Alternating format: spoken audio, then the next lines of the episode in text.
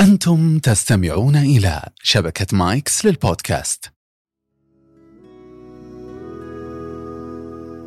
السلام عليكم ورحمة الله. حياكم الله في حلقة جديدة من بودكاست مهارات. اليوم سوف نتحدث عن مهارة حلوة وجميلة ولذيذة مهارة صناعة الأفلام. وضيفنا فيها هو الأستاذ محمد حامد صانع أفلام ومخرج أيضا. حياك الله أستاذ محمد. الله يحييك ويبقيك وشكرا لك لاستضافتي. مبسوط جدا إني جالس معك الله يعطيك العافية ويسلمك. اليوم نبغى نتكلم حوالين صناعة الأفلام وبالمناسبة في ناس كثيرين يعني ما إحنا فاهمين صناعة الأفلام. إحنا دورنا مستهلك أكثر منه نعرف ما دخل في الكواليس. فالحديث الشيق اللي قبل الحلقة يعني حمسني الآن بندخل في مواضيع كثيرة حتى يفهموا الناس ما يدور خلف الكواليس. بس بداية لماذا صناعة الأفلام؟ ليش؟ وش أهميتها في وجهة نظرك؟ آه، صناعة الأفلام أنا أشوف أنها مهمة في جانبين. الجانب الأول اللي إذا كنت نتكلم عن المجتمع. ببدأ فيه يعني بشكل عام. إحنا يعني إحنا ككل وش بنستفيد من صناعة الأفلام؟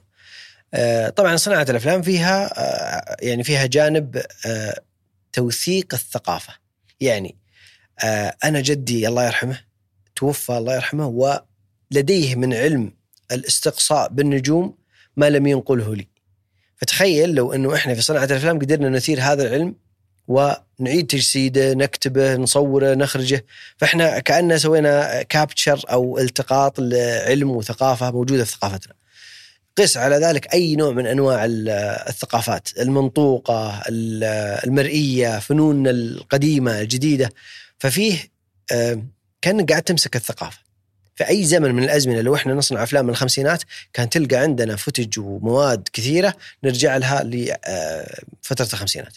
وهكذا. يعني أشهر الأفلام اللي كانت في الخمسينات ولا غيرها مثلا كانت خلينا نقول لك من أمريكا وأوروبا وكل شيء. هم. قاعد يوثقوا الثقافة لمرحلة معينة والآن قاعدة تتطور مع الأيام. بالضبط. فأنت تكبتشر هذه الثقافة بعدين تقدر تصدرها. فأنت إذا إذا جسدتها أو التقطتها على شكل فيلم تقدر إنك تصدرها. فالجزء الأول حفظ في الثقافة في جانب من حفظ الثقافة حتى الثقافة الاجتماعية حتى بيوتنا كيف كانت. يعني لو تتفرج في فيلم لو إن عندنا نشاط الأفلام آه، فيه ثورة في الثمانينات وجالسنا نتفرج في فيلم في الثمانينات ونقول أيوه شوف هذه هذه الأشياء اللي كانت في حياتنا هذه المقتنيات اللي في كذا كنا نقول هذا الشيء اللي كان رائج عندنا. ففيه آه، في تجسيد أو خلينا نقول آه، يعني كابتشر التقاط للثقافة. ثم عندك إنه تقدر تصدر بها الثقافه يعني إحنا مدى معرفتنا للثقافة الأمريكية عاليه جدا بسبب كثافة الإنتاج الأمريكي خصوصا الأمريكي. وتلاحظ الآن لما بدأت كوريا تصدر ثقافتها في على شكل أفلام بدينا نعرف كيف يجلسون. يعني جلسة الكوري لما يجلس على الأرض القرفصاء عرفنا إن هذا من الكلتشر الكوري. فتخيل إن أنت ث- صناعة الأفلام تقدر تلتقط بها الثقافة وأيضا تصدر بها الثقافة. هذه ما تسمى بالقوة الناعمة تصدير الثقافة بالضبط. كاملة. إلى الآخرين. بالضبط. والثقافة مفهومها واسع. اللغة ثقافة فالثقافة صارت في مثلا أمريكا ولا كوريا ولا كذا بدأت تصدر الثقافة. فترة عشنا مرحلة المسلسلات التركية. أي. فصدرت جزء من الثقافة والموسيقى التركية وبعض الكلمات فكل مرحلة. بالضبط. فهذه قوة ناعمة. بالضبط. اللغة واللباس والأكل وكل حاجة هذه من الثقافة. الجزء الثاني آه فيه جزء أيضا من من الثقافة اللي هو القصة نفسها. مم. فهذا ينعكس على الجزء الثاني اللي هو أنت كصانع أفلام ما بنقول منظور مجتمع بقول منظور صانع الأفلام منظور صانع الأفلام في شيء يعني قيل في الفنون عموما يقول لك دائما إذا الشخص مثلا مر بحالة حزن شديد وفقد فتجد أن الإنسان يذهب إلى ال- الفنون لي- ليبحث عن هل هناك شخص عانى مثلي فماذا قال؟ الله. ماذا فعل؟ فدائما تلقى الفنون تبرز في في حالات كثيرة، حالات الفرح الشديد، حالات ال- الانكسار، يبقى في أحد كتب قصيدة عن الفقد أو أو الفراق فتجد أن ال- ال- الفيلم هو هو فن فن أوسع من جميع الفنون لأن أو بمعنى صح هو اللي يلمها بالكامل.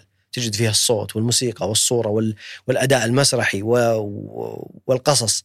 ف فال- لك أنت كصانع أفلام آه، فرصة رائعة في أنك تجسد وتحكي قصة. أنت قد تكون مريت بقصة معينة وتقدر تجسدها، يمكن مو بمريت فيها، ممكن أنت آه، استطعت ان تلتقطها في من حولك. فحكاية القصة هي هي أعتقد إنها هي هي إحنا لنا كعرب ومسلمين بالذات يعني في حتى في ثقافتنا، الحكاية بارزة كبروزها في أي ثقافة. حكاية القصة. لكن إحنا ما استخدمنا حكاية القصة بأسلوب الفيلم إلا يعني مؤخرا بدينا نهتم فيه. لكن تخيل أن تكون أنت كصانع أفلام عندك قدرة أن تحكي القصة بكل آه بكل قوة. صوت صورة أداء آه فنون بصرية في في عمل واحد. آه إضافة إلى أنك أنت كصانع أفلام آه هذا هذا المجال بذاته أصلا مجال مجال ذو آه ذو اهتمام اجتماعي. يعني مخرجات الأفلام لها لها وزن اجتماعي. في جوانب آه، جوانب أيضا ال- الاستثمار يعني تفكر فيه إنه يكون لك هذا ال- المجال آه، عوائد استثمارية. فهو زيه يعني زيه زي أي وظيفة ممكن تشتغل فيها أو حتى قد يكون هو مجدي بقدر كبير من من الوظائف وال- والبوزيشنز الموجودة. فهو فيه مصدر دخل. جميل. طيب خلينا نبغى نعرف أكثر آه ما هي صناعة الأفلام؟ في وجهة نظرك بس قبلها نبغى نفرق آه ذكرت لي قبل الحلقة في فرق بين صانع الأفلام وبين المخرج أحسن وش آه الفرق في وجهة نظرك المسمى صانع أفلام طبعا مسمى مخرج الكل يعرفه ما ما بنشرح لا والله. أكد شرحه إي بس آه، يعني عشان نعرف آه، كلمة مخرج مشهورة أكثر من آه. صانع أفلام. آه، ببدأ بالمخرج بعدين بقول لك صانع أفلام لأنه أشمل. آه، المخرج دوره آه، دائما يقوم في قيادة الرؤية لكل عمل. آه، بمعنى أنه إذا عندنا سكريبت وسيناريو هذا لازم يعطى المخرج عشان المخرج يشوفه. لما يقول لك الرؤية الاخراجيه ترى هو صدق رؤية. المخرج لما يقرأ نص هو يرى مشهد معين، هو يرى أفق معين، يرى لقطات معينة. طبعا وهذا شيء يعني فيه فيه جانب من من الغرابة أحيانا مخرج يستلم نص بس ما يشوف ما يشوف الفيلم هذا لا يراه. فيعتذر يقول أنا ما أنا لا أرى هذا العمل. مع إنه يعني السكريبت واحد تعطيه مخرج آخر يقول أنا أراه أنا شفته أنا شفته في رأسي كذا. شوف يعني بصريا شافه اخراجيا دا أيوه داخل رأسه. تخيله فرآه فلديه رؤية. لما يقول لك الرؤية الإخراجية دائما نلقى كلمة الرؤية الإخراجية الرؤية الإخراجية. فالمخرج هو اللي يأخذ النص هذا ويحوله إلى رؤية ولكن ليس بالضرورة إنه هو يسوي كل شيء عشان هذه الرؤية تتحقق. بس عفوا دقيقة. ما أراه هو مكتوب النص أمامه. يرى بصريا يعني خلينا نقول بين قوسين. يتخيله هل هي مهارة يتخيل. الخيال الآن؟ بالضبط. يحتاج تكون حاضرة. أحسن. ويرى كذا كمشاهد أمامه. آه يعني نشبهها بكل بساطة. إذا إذا أعطيتك قصة حصلت لي وبدأت تتخيلها أنت وت- وتجد في خيالك جودة عالية. مم. فأنت عندك الآن القدرة على أنك تجسد هذا ما سمعته أو ما قرأته إلى خيال. دور المخرج في في انه يكون في فرادة في هذا الخيال. فريد مختلف عن ما يراه الآخرون. الشيء الثاني آه، فيه آه، في عنده قدرة في إنه يتواصل مع كل من لزم الأمر من تحته من آه، مدير تصوير من منتج من ممثلين يوصل لهم الخيال اللي في باله ويساعدهم إنهم يوصلون هذا الخيال. فعنده تواصل عالي. ويكون دوره في إدارة العمل بالكامل إدارة بمعنى أصح اداره الرؤية. أكثر من آه، إدارة ال- المشروع. لأنه بس الإدارة التنفيذية بقدر آه، الإدارة بالضبط. الرؤية. من من اللي معه يكون المنتج. يعني إذا كنا نتكلم عن المنتج فهو دائما اللي يساعد المخرج في أو هو هو الذراع الأساسي في إن العمل ذا يتم إنتاجه لأنه هو اللي يوفر الأشياء. لا تدخل لنا أسماء كثير الآن. خلينا ما بين مخرج بالضبط. وصانع أفلام. صانع الأفلام؟ آه، صانع الأفلام آه، آه، هو مسمى آه، يعني مسمى كان برز في في السنين الأخيرة. يعني نتكلم يمكن 20 سنة الأخيرة برز هذا المسمى لكون دور صانع الأفلام بدأ أو إمكانيات الإمكانيات الموجودة من ناحية من ناحية تقنية صارت موجودة تساعد كل من هو يريد صناعة الفيلم إنه يشارك في صناعة الفيلم. يكتب الفكرة يراها كرؤية إخراجية فيجهز معالجة إخراجية ثم يقوم بالتصوير بنفسه. ثم يقوم بالمونتاج بنفسه ثم يقوم بالإضافة الصوتيات إلى المرحلة الأخيرة إنه يبدأ يوزع فيلم بنفسه يشارك في مهرجانات. اللي هو مفهوم ال one man show ال one man show فهو صانع الفيلم فهو يصنع الفيلم. بكل بالضبط. هذا الشيء طبعا متى برز؟ برز أكثر في السنوات الأخيرة. يعني نتكلم إحنا ترى يمكن عن 15 سنة. وليش برز؟ لأنه تقنيا معدات الكاميرات اللي هي ال- ال- الجزء الثقيل في موضوع صناعة الفيلم بدأ يصير في وفرة كبيرة تكنولوجيا عالية جدا ما عاد أنت مثل من أول تحتاج إلى فريق كبير وشركات إنتاج لا صرت أنت تقدر تحقق صناعة الفيلم بالموارد الموجودة وهذا طبعا يعني آه، دخلنا في إمكانية جديدة ولكن في نفس الوقت حنتكلم عنها قدام عن موضوع التكاليف وال... والإنتاج هذا قديش ممكن ياخذ منا من طاقة وجهد ومال. في مشكلة مع التقنية. قاعدة يعني ضد البشر تقلل أعداد البشر وتخفف الوظائف. علينا الذكاء الاصطناعي صح. آه، في حلقة سابقة كانت في هذا الموسم مع الأستاذ عبد الله السبع. فايضا تكلم قال يعني الوظائف في كثير منها سوف يتلاشى ولكن تطلع وظائف جديدة. الآن قاعد تقول لي التقنية تقلل عدد آه، يعني فريق العمل اللي هنا كم؟ واحد اثنين أربعة تقريبا خلف الكاميرات. يعني الأيام الجاية يمكن خلاص ما يحتاج نشوف إلا واحد اثنين أو إنها تشتغل تلقائيا. آه الله أعلم. طيب أنت ذكرت إنه هذه الطفرة الفيلم ميكر وصانع الأفلام بدأت قبل 15 سنة على طول خطر في بالي سؤال صناعة الأفلام بمفهومها الاحترافي بدأت آه، متى؟ صناعة الأفلام بدأت قديما نتكلم عن أكثر من 100 سنة مم. كصناعة يعني من أيام الأفلام الأبيض والأسود؟ أبيض وأسود. هي بدأت تجريبية. يعني أصلا الفيلم المتحرك بدأ بدأ تجريبي. يعني الفكرة أصلا كذا فكرة إنه صورة متحركة. لكنها كصناعة في في 1920 هي كانت بداية ثورة صناعة الأفلام. وأخذت ب يعني بالذات في أمريكا أخذت بقوة شديدة. يعني ال- المصاريف الضخمة والكميات اللي تشوفها من ممثلين وموارد فالصناعه قامت بسرعة في العشرينات آه، يعني في القرن الماضي. وتبعها بعد صناعة يعني صناعة الأفلام هي ككل. ولكنها لما أقول لك في البداية صناعة الأفلام كانت تدور حول معدات ثقيلة.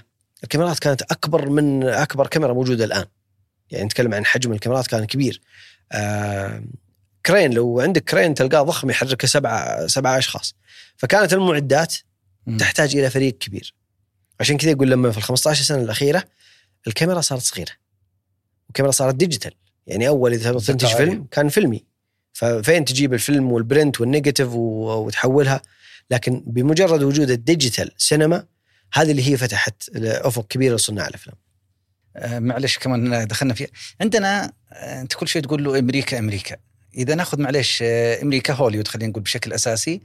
وعندك طيب في الهند في مدرسة ثانية أيضا وإذا نظرنا للغزارة فهي الأعلى اللي هي بوليوود اللي هي كمية عدد الأفلام اللي تطلع من بوليوود أعلى من كمية عدد الأفلام في هوليوود ولكن الشهرة لهو- آه، لهوليوود في أمريكا ما السبب في وجهة نظرك؟ أعتقد السبب هو السبق أصلا سبق سبق الصناعة في- وتطورها في في أمريكا مع إنه أصلا أول أول يعني أول كاميرا سينمائية ما كانت في أمريكا كانت حتى يمكن في فرنسا ك- كصورة متحركة مم. بس ليش أمريكا هي اللي تبنت هذا وحصل آه، يعني آه، ركبت على موجة ال- العصر الصناعي الجديد. فهو ليس انه نقول إحنا في الهند بس في الغالب إن الهند مهما كان عندها من الكثافة إلا إنه تاريخ بدءها لن يكون قبل أمريكا. ولكن سرعتها ونموها هذا الدليل على إن أي سوق ممكن ينشأ ويغلب سوق آخر في كثافة الإنتاج. طيب أخوي محمد بعض يرى إنه يعني ترى مجال صناعة الأفلام كذا حاجة ثانوية إذا هو فاضي سواها. وخلاص ترى سهلة يعني ما يبغى اقعد وادرس وأسوي هالكلام الطويل كله. ترى سهلة يقدر أي واحد يسويها. وش رأيك أنت كصانع احترافي لعالم الأفلام؟ في صحيح وفي ناس حتى تنظر لها من منظور ال- الكشخة. يعني ذي آه. الصناعة صناعة كذا كشخة. عشان نحط تحت اسمه صانع أفلام. صانع أفلام كاميرات شغلة. يعني فيها فيها جانب من صورتين التباهي. سناب وعلى إيه. فاعتقد تباهي حلو. أنا أعتقد إنه هي هي صناعة صعبة. وتطرد تطرد ال- تطرد هذا الشيء. بمعنى إنه الأشخاص اللي يدخلون هذا المجال للتباهي تراها تطردهم من نفسها. يعني ترى ما حد يجي يقول يقول لك اطلع الصناعة من الكرف اللي فيها والتعب اللي فيها تراها تطرد زي النار تغلي حارة. فالصناعه آه، بنفسها يعني أنا أنا أقول ممكن أنت تعجبك الصناعة لأنها كشخة بس قد لا تناسبك. ما بقول أنت غلطان بس أقول يمكن يناسبك شيء ثاني. لكن ترى الصناعة فيها تعب فيها شغل وستجد أيضا فيها المتعه بمقابل هذا الشغل. ستجد آه، ساعات طويلة تقضيها لإنتاج آه، ثواني قليلة. فبشكل عام طيب على أنها- اخذ المسار الثاني. ماذا عن العائد المالي من هذه الصناعة؟ هل العائد المالي عالي؟ يعني كنا نتكلم أيضا آه، قبل الحلقة عن صناعة الإعلانات، صناعة الإعلانات عائدها المالي فيما أفهم أنه عالي جدا، سواء الأفلام أو الإعلانات أو غيرها. إذا نتكلم عن ابى اتكلم لك عن التشغيل أول شيء. يعني عشان ما لأني أنا محسوب على المخرجين والمنتجين ما بقول العائد في أرباحها عالية هي تشغيلها أصلا كثير. يعني أنت تتكلم عن يوم تصوير عندك خمسين آدمي on set لو بس تحسب الأكل حقهم ترى هذه عزيمة عزيمة عرس. ففي تكاليف عالية يقول ليش ليش يا أخي الإعلان يكلفنا؟ ليش ليش الفواتير عالية؟ احسب احسب الأجزاء. إحنا إحنا نبني نبني قرية كاملة في يومين ونشيلها. إذا كان مثلا عندك كليب لإعلان معين فأنت تبني حوائط وجدران وآرت أنت تأثث. كأنك يعني لو لو تأخذ الناس اللي يأثثون للزواج. يقعد راسه يصدع شهرين ويأثث ويدفع ألوف مالف عشان بس يأثث شقة. إحنا ترى في الشقة يعيش فيها سنوات. يعيش فيها. إحنا نأثثها بس عشان تصوير يومين ثلاث أيام ونشيلها. طبعا مو بدنا نرميها بس إحنا عند في مستودعات آرت أحيانا تشتري بس وتضيفها ففي تكاليف عالية. إضافة إلى تكاليف الفنانين تكاليف التشغيل تكاليف الأجور المعدات لها. ففي التشغيل الإنتاج مكلف. آه، بجانبه آه، يحدد آه، السوق هامش الربح من هذا الت- التشغيل. فأنا أقول لك التشغيل ترى يعني لما نقول ترى الإعلانات غالية تراها لها مبرر. في الأخير العائد الأرباح بنسبة مئوية من كذا. في والله عائد أرباح جيد 10 20 30% إيه يصل يصل إلى 40% في في أفضل حالاته لكن هو في, في متوسط ال 20 في في مجال الإنتاج. طيب معلش خلينا كذا نقول الإعلانات هل صحيح في إعلانات مليونية قاعدة تنتج في السعودية؟ إعلان أبو دقيقة سواء جهه حكومية ولا شركة كبرى تلقى إعلان مدته دقيقة ويدفعون فيه مليون أو مليونين. إي نعم موجود. يعني الإعلانات المليونية موجودة واشتغلناها اشتغلناها حتى من ضمن حملات. أحيانا يكون طيب هي الإعلانات- فرصة عفوا أنتم تنتجون إعلانات. ترى نعم. عادي نسوي لك دعاية هنا. أي فاللي مهتم أيضا في إنتاج الإعلانات المخرج محمد نعم. حامد حياكم روحوا له وتواصلوا معه بطريقتكم. ما ندري كيف يوصلوا لك. تسلم. نعم إحنا ما- يعني صناعة الإعلانات موجودة وإحنا نشتغلها بشكل أساسي. يمكن في السنوات الأخيرة أخذت جزء كبير من من تشغيل من تشغيل عملنا في الإنتاج.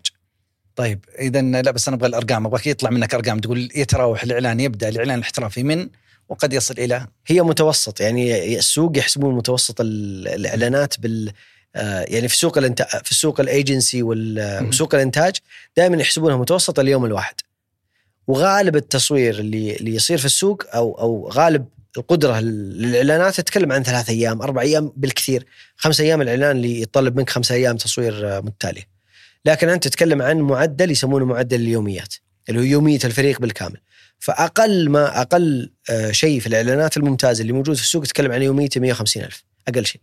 بعدين تتكلم عن 300 ألف بعدين فيه يوميات تصل إلى 500 ألف عشان نتكلم إذا عن قلنا عفوا daily rate إي المعدل خلينا نقول 150 ألف يعني ثلاث أيام 450 ألف. بالضبط. هذه التكلفة اللي توصل للعميل؟ هذا مع الأرباح لا ولا؟ هذا هذا آه، ال cost. حسبة النهائي. يعني ال- الناس اللي يحسبونه في النهائي يقول إنه أنا أحسب ما معدله آه، يوميا 150 فيطلع عليك يومين مثلا يومين عمل. هذا مع هامش ربحه أصلا الفريق بالكامل.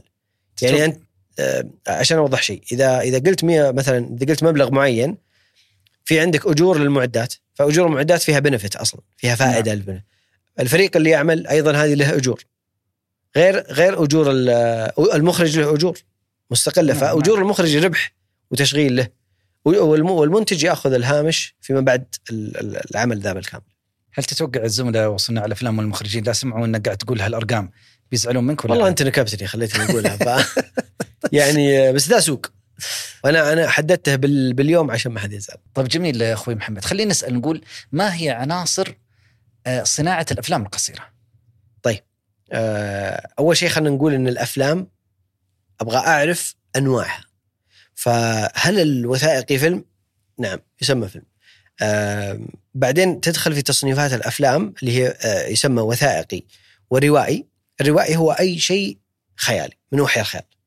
يعني الأحداث اللي تحصل فيه والحوارات هذه كلها من وحي الخيال ويسمى روائي آه، الوثائقي هو ما أنت قاعد توثق آه، حدث يحصل أمامك أو أنك تعيد خلق حدث حصل في الماضي.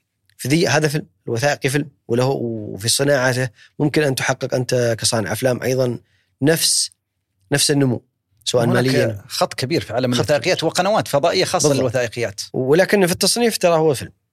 نعم. ال- الثاني اللي هو الفيلم الروائي. الفيلم الروائي آه، يجي الآن هل أنا أصنف فيلمي الروائي طويل قصير هذا أيضا بالمدد آه، في الغالب إنه ما يتجاوز يعني في حدود الساعة هذا يسمى طويل وما أقل من ال 45 دقيقة يسمى قصير يعني حتى إلى خمس 30 دقيقة يعتبر قصير خمس دقائق قصير فيلم آه. قصير آه تصنيف عفوا بس إلى كم يعتبروه؟ هل في شعرة بعد هذا طويل وهذا قصير؟ ال- آه، يقال إنها ال 45 دقيقة هي وأكثر. هي هي الشعر اللي إذا كان لأنه أغلب صناع الأفلام إذا وصل 45 ما يسوي 46 هو يتجه للمدة الأعلى. الضابط في المدد حاجتين أساسية اللي هي آه، منصات البث اللي أنت قاعد تبغى تبث فيها أو المسابقات يعني هذا لنا كصناع الواحد. ممكن يكون عنده نسخ نسخة يطلع منها قصير وشيء يطلع منه شيء طويل ولا ما ليس ممكن عرفا ممكن بس الغالب لصناع الأفلام إنه إذا إذا حدد طويل فبيتجه للطويل. ويلعب على فكرة إني أعمل فيلم طويل. لكن أنا أقصد متى يستهدف مدة معينة؟ إذا كان هو يستهدف منصة تبغى مدة محددة أو آه أو مسابقة. تحدد مدة محددة لتصنيف الفيلم. آه قلنا الفيلم ال- ال- الوثائقي وقلنا الفيلم ال- ال- الروائي. آه الفيلم الروائي فيه منه تصنيفات. في منها الرعب في منها ال- الخيال العلمي. آه، في منها ال heist اللي هي سرقة فيه وتصنيفات هذه حتى الدراما دراما، المدري إيش ال- الأكشن ال- الأكشن ال- الحب ال romance أي التصنيفات اللي هي الروايه يعني قد تكون مستقاة من رواية. قد تكون مستقاة من الرواية. فلذلك كلمة رواية أنا قاعد أدور مصدرها. رواية؟ المصدر العربي المصدر العربي آه، رواية. لكن آه، إحنا يعني كصناعة أفلام اللغة العالمية حقتها عندك documentary و fiction آه. Fiction خيال. OK آه، لأنه أعتقد أشكل علينا العرب لما نقول خيال يعتقدوا إنه خيال علمي، لا هو خيال هي من نسج الخيال وليست حقيقة، حتى وإن اعتمدت على أحداث حقيقية. آم، في في الروائي فيه أشياء يسمونها تجريبية. وهذه الأفلام اللي إذا شفتها تحس إنها غريبة.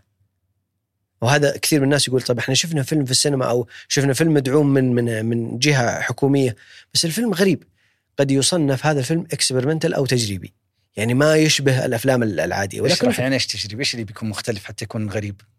تجريبي قد يكون فيه آه، تكنيك معين يبغى يجربها المخرج أو رواية يبغى يجربها بطريقة مختلفة مم. فيصنف تجريبي يعني لا, آه، لا بناءه يشابه بناء الأفلام المعتادة أنت تشعر فيه بالغرابة لأنه الأفلام عموما يعني إذا جيت المدرسة الأمريكية تجد أن الأفلام لها بناء درامي محدد يعني أنا أذكر أول ما درست البناء الدرامي اسمه Western dramatic structure درست هذا البناء يقول لي في كل مكان في حدث معين بيحصل. هذا اللي درسته.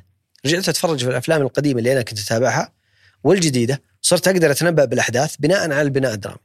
فكل شيء يبني على دراسة ما هو حتى القصص اللي تشوفها مبنية على تراكيب محددة. الفيلم اللي خارج هذه التراكيب هو اللي يسمى آه، تجريبي. تجريبي. آه، ويقع فيه أشياء كثيرة يعني التجريبي طيب. هذه جزء من تقسيم الأفلام، خلينا نبغى انتقل بما إنه إحنا بودكاست مهارات ونهتم في المهارات والخطوات، فبعض اللي قاعد يتابعونا الآن هم حريصين يتعلموا مهارة صناعة الأفلام، أو يفكر يوم من الأيام يدخل إلى هذا المجال، فالسؤال كيف أكون صانع أفلام؟ كيف تتم صناعة الأفلام؟ فودنا كذا ناخذها على آه، مراحل وخطوات. طيب حلو آه، في صناعة الأفلام في خمسة فصول إذا عرفت هذه الفصول وعرفت تتعلمها قدرت إنك تنتقل من آه، تنتقل أو تنمي مهارتك كصانع أفلام. ال- وله بشرط كصانع أفلام ومسمى صانع أفلام إنك تتقنها كلها. حلو. يعني على الأقل إذا اتقنت الأول أو جزء منه تقدر آه، تستعين بأشخاص يدعمونك في كل فصل. لما أقول لك الفصول الفصل الأول اللي هو كتابة السيناريو. كصانع أفلام نحتاج هذه المرحلة. لازم يكون في سيناريو. ما في فيلم بدون سيناريو. ما في فيلم كذا يمسكون كاميرات وينزلون الشارع يصورون ما في. يا لازم يكون في سيناريو. فكتابة السيناريو هي المرحلة الأولى من مراحل صناعة الفيلم. في كتابة السيناريو تحتاج معرفة. تحتاج إنك تكون أنت عندك مع- المعلومات هذه في ال- اللي نسميها سواء معرفة في البناء الدرامي وتركيب القصة بداية ونهاية وسط و حبكات. وحبكات. يمكن تقول لي أنا مثلا ما ما عندي الرغبة العالية إني أتعلم الكتابة. أقول لك أوكي تعلم الكتابة بما يكفي إنك تشرف على كتاب يكتبون ولكن تساعدهم يكتبون للفيلم. لأنه وسيط لأن الكت- الكتابة إذا كانت رواية أو مسرح تختلف. فأنت تساعده إنه يكتب شيء ملائم للفيلم. يعني تركيبة الكتابة متناسبة ومتوافقة مع كون مع وسيط الفيلم بمعنى صح. بعد الكتابة لازم هذا النص يروح إلى منتج. يعني لازم تفكر فيه حتى لو كنت كصانع أفلام تفكر فيه أنا producer الآن أنا منتج. آخذ هذا النص. أول مرحلة أسويها في هذا النص أسوي له breakdown تفكيك. حتى لو السيناريو اللي عندك خمس صفحات لازم تسوي له تفكيك. التفكيك ببساطة هذا السيناريو قدامي أسوي لي جدول مكون من ثلاث أعمدة. شخصيات. مواقع تصوير props اللي هي الأغراض. إذا عندي سيناريو قدرت إني برا في جدول أطلع هذه المكونات عرفت هذا العمل كم بيكلفني من ناحية آه، وقت ومن ناحية آه، مكونات. فسويت breakdown الآن تبدأ ال breakdown هذا. أنا والله يبغى لي ثلاثة ممثلين أساسيين ويبغى لي 17 ممثل extra أو كومبارس. يبغى لي آه، سبع مواقع تصوير. locations ويبغى لي من ال props لا في أشياء محددة لازم تكون موجودة. في في صندوق في مسدس في في شيء معين لبس معين كل هذه ال props مكتوبة. هذا ال- ال- الجدول breakdown يعطيك تصور على كم إيش يسمى الجدول مرة ثانية؟ breakdown تفكيك. تفكيك يعني سنة. خلاص عرف إن كذا breakdown بالضبط أعطيك النص أقول سوي breakdown إيش المطلوب؟ فكك هذا النص كم في مكون. حلو. بناء على هذه المكونات يبدأ تقدير كم يوم تصوير. آه، و- وهنا الذكاء إنه والله أنا إذا عندي شخصية واحدة آه، الفيلم فيه مثلا معظم الفيلم في الصحراء بس بداية الفيلم في في آه، مركز تجاري فأنا أخلي اللي في الصحراء مع بعض في أيام التصوير. هذه تكفيني فيها ثلاث أيام. اللي في المول التجاري بصورها في يومين. فتبدأ تجدول تصويرك وتصير عندك الآن أنت كبروديوسر منظم. وبهذه الطريقة تقدر تكون كفاءة عالية وبتكاليف تقلل تكاليف أصل تكاليف يعني ممكن تكون أصلا كبيرة بس أنت بتصير فيها آه، ترشيد. تعرف تصور بذكاء. آم، فإدارة للمال وللوقت ولجميع المكونات. إيه. آه، في هذه المرحلة عادة يجي مساعد نسميه مساعد المخرج نجيبه يكون ما بين المخرج وما بين المنتج. إيش يسوي؟ ياخذ هذه الأشياء ويبدأ يجدولها. هو اللي يساعد المخرج في جدولة هذه الأشياء في ترتيبها في في في تنظيمها عشان تؤدي الأداء الجيد تصل. إلى المنتج اللي هو البروديوسر حتى يبدأ بالضبط. يعمل عليها. ويعطيها لل ويكون وص- وصله أو يكون آه، نقطة وصل ما بين المخرج والمنتج عشان يعرف احتياجات المخرج ويوفرها المنتج قدر الإمكان وأيضا العكس. انتقلنا الآن إلى آه، المرحلة الإخراجية، عندي نص موجود وعندي تعتبر الإخراجية ثلاثة. إيه ثلاث آه، عفوا بس كتابة السيناريو. كتابة السيناريو آه، إدارة إنتاج. حلو. آه، طبعا إدارة الإنتاج تسقط يعني ما تعتبر آه، ما تعتبر فصل أساسي من الصناعة أو أو من الأشياء لك كصانع أفلام. عشان كذا أقول إذا أنت ما تتقنها آه، فوض أحد فيها. مساعد مخرج أو غيره. آه، اللي بعدها اللي هي الإخراج. الإخراج. الإخراج دورك الأساسي أنك تجلس تحول هذا النص إلى رؤية إخراجية ما يسمى بالمعالجة الإخراجية treatment وهذا مطلوب من كل مخرج في أي مشروع سواء فيلم أو حتى الإعلانات القصيرة ترى يطلب من المخرج أعطينا treatment ال treatment وش هي؟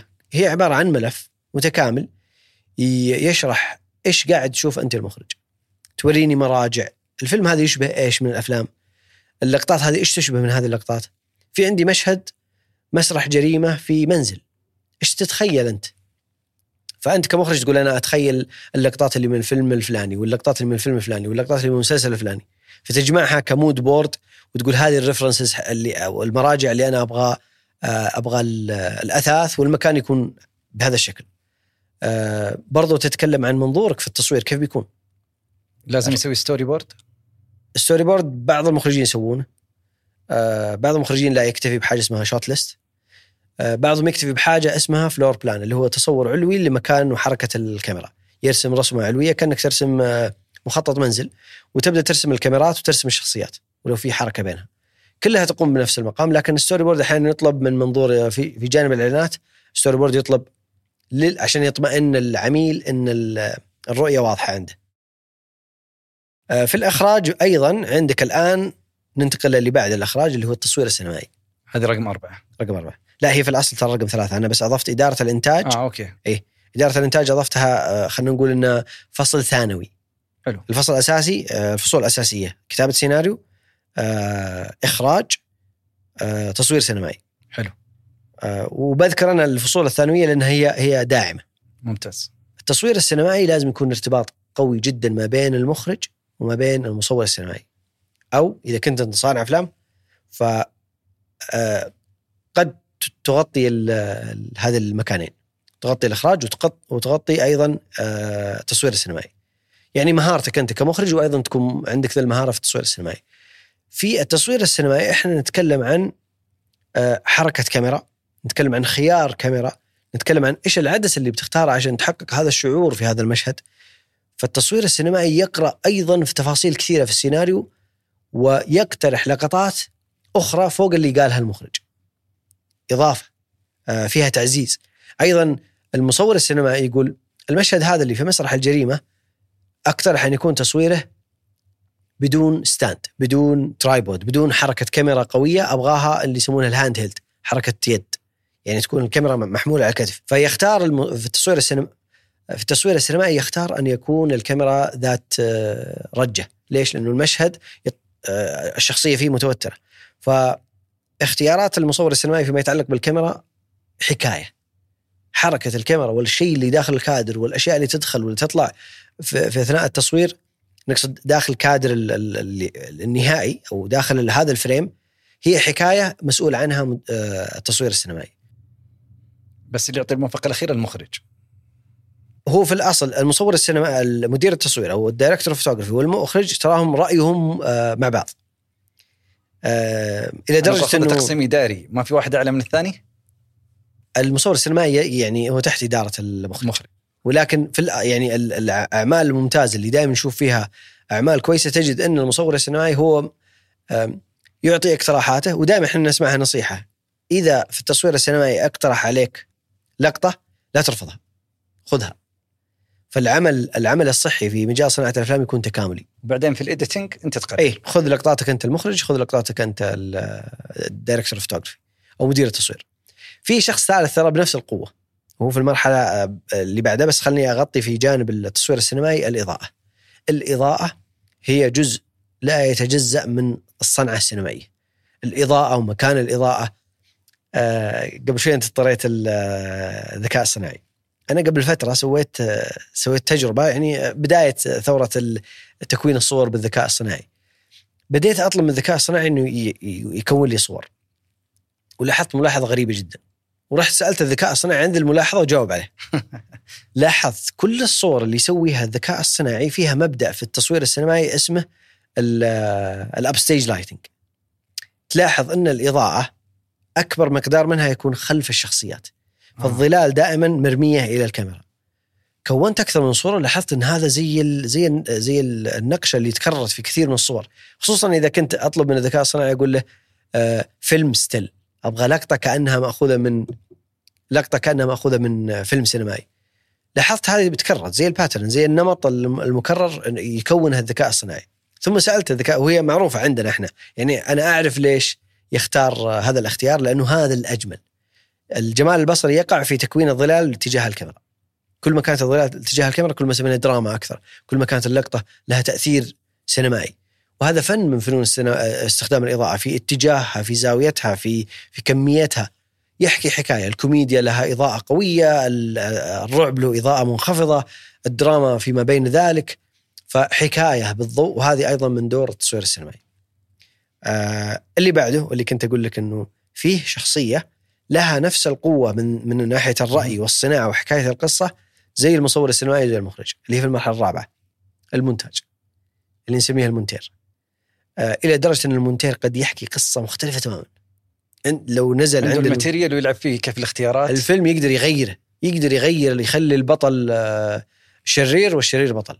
قدرة هائلة جدا وعشان كذا يقولون إنه صناعة الفيلم الحقيقية هي في غرفة المونتاج.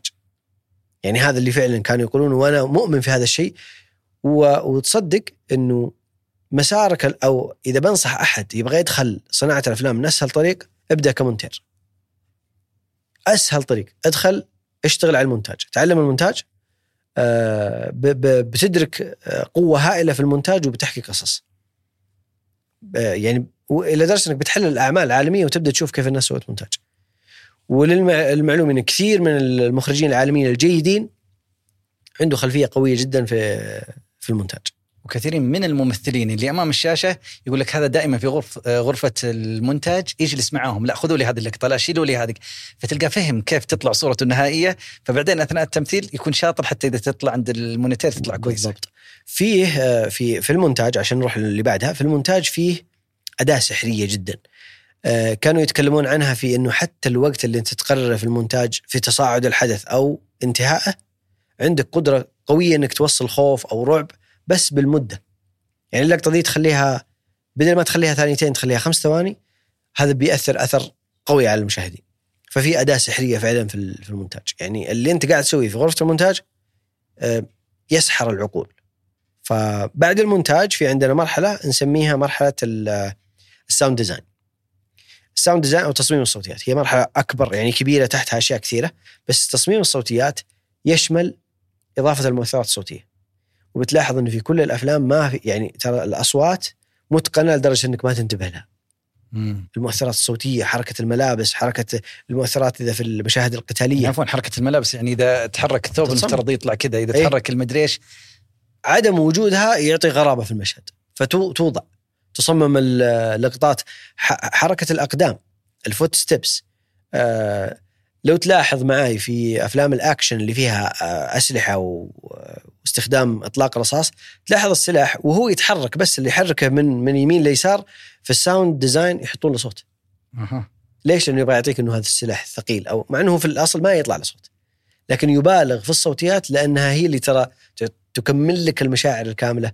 في نعم،. مشاهدتنا الأفلام بتختلف بعد هالكلام بعد هالحلقة آه،. وأنا أقول دائما جر- جرب تجربة بالناس بالنسبة لصناع الأفلام أقول يبغى لك تتفرج الفيلم ثلاث مرات.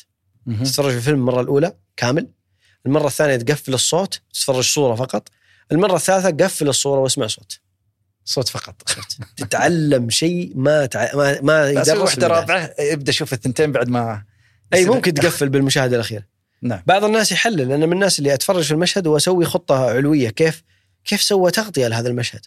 يعني هو واحد دخل من الباب لين وصل إلى إلى سريره ليش 17 لقطة؟ هذا هذه طريقة أيضا من التعلم اللي هو طريقة التحليل. آه، في تصميم الصوتيات أيضا يندرج الموسيقى التصويرية. آه، إلى درجة إنه فيه الآن صناع أفلام صاروا ما يستخدمون الموسيقى عشان يشعرونك بعدم الراحة. مم. قال ليش؟ قال لأن إحنا تعودنا على الأفلام إنها بموسيقى، لو حطيتها بدون موسيقى أربكتك، وفعلا يعني في في مراجع الآن زي كذا صار يستخدم عدم وجود الموسيقى لإرباكك. ولذلك نرى أيضا حتى في الأوسكار جوائز خاصة بالموسيقى التصويرية. أفضل فيلم فاز في الموسيقى إنه كانت يعني الصوتيات فيه عظيمة. بالضبط. طيب اذا هذه الخمسة بعددنا كنعيدها كذا العناوين الأساسية. عندنا آه كتابة السيناريو. آه وتحتها في فرع بسيط اللي هو إدارة الإنتاج لما قلنا بروديوسر أو أو مدير إنتاج. أو منتج. إخراج. إخراج. آه تصوير سينمائي. منتج آه تصميم صوتيات. ممتاز. اذا هذه المراحل الأساسية. خلينا الآن لأي شخص يشاهدنا سواء مبتدئ في عالم صناعة الأفلام أو حتى بعيد عنها أو أيضا عميق في هذا الموضوع ما هي الخطوات اللي تساعد أي شخص حتى يتعلم مهارة صناعة الأفلام في وجهة نظرك كمخرج من سنوات كم لك سنه الإخراج وصناعة خليني شايب. أنت كذا. من أنا بدأت آه، صناعة آه، صناعة الأفلام بالنسبة لي ترى من أيام الطفولة من أيام المراهقة. الله الله الله. يعني أخوي إيش كان الأدوات اللي كانت آه، موجوده؟ أخوي كان يجيب لنا في الصيفية كاميرا من عند صاحبه كاميرا منزلية. هي اللي كذا. المنزليه فالكاميرا ذي كنت أنا أستأنس أشغل القناة الثانية السعودية القناه الثانية السعوديه أشغلها وأشوف مشهد وأحاول أطبق. فموجود عندي ذا الشغف. أذكر حتى إنه كان بنهاية الصيفية يوديها يرجعها ويش يطالع فيني كذا أنا خلاص أنا متضايق. فجاء علمني برنامج آه، برنامج اسمه فلاش. أسوي حركة أسوي صورة متحركة بالكمبيوتر. فهذا ساعدني يعني هذا ساعدني قال خليك سو سو آه، الصورة متحركة بالكمبيوتر. آه، هذا ال- ال- اللي هو الشغف القديم لكن يعني كصناعة أفلام بدأتها من تقريبا أكثر من 12 سنة. ما شاء الله يعني لما. بدأت إني آه، أخذت وهذا هو اللي أنصح فيه اللي هو موضوع إدرس. قد ما تقدر إدرس تعليم نظامي في مجال آه، اونلاين نظامي إدرس. تدرست في أمريكا أظن أنا يعني course. درست في معهد اسمه Light Film School نيويورك. كان المعهد ذا أثناء يعني ارتباطي بعمل حكومي كنت ما أقدر إني آه، ما أقدر أتفرغ وأسافر. فكان المعهد ذا أخترته آه، خصيصا لأنه تأدي 90% من المهام اونلاين يعني ما اضطريت إني أروح إلا مرة واحدة بس آه، لأمريكا. ما شاء الله تبارك الله. فالفكرة إنه تتعلم تعلم إدرس. المصادر موجودة كثير بس إدرس. الدراسه آه، ايا كان. الدراسة. أتذكر هذيك الفترة دراستك هي بداية التواصل بيني وبينك 2014 أنا كنت وقتها أدرس في أمريكا إعلام وصار أظن بيننا بالضبط. تواصل. بالضبط. هو يعني هذا اللي فتح لنا إنه فكرة المدارس آه، دراسة صناعة الأفلام وبديت حتى أتقاطع مع الناس ال- آه، اللي يعني زي اللي زيك إنه أتقاطع مع الناس اللي برا لأني أدري انه ذول الناس بيرجعون بيكون لهم شأن في في صناعة الإعلام في صناعة الأفلام. لأن العلم ترى هو هو رقم واحد تعلم. اذا الخطوات الآن حتى تعلم صناعة آه، الأفلام رقم واحد تعلم. أدرس. سواء أونلاين حضوري يوتيوب أي مكان أي. تعلم. لا تقصر على نفسك في انك تتعلم. لأنه العلم بيركب لك آه، بي بي بيجهز دماغك لأي شيء تسويه. يعني سواء تقول أنا بتعلم من فيلم بحلل.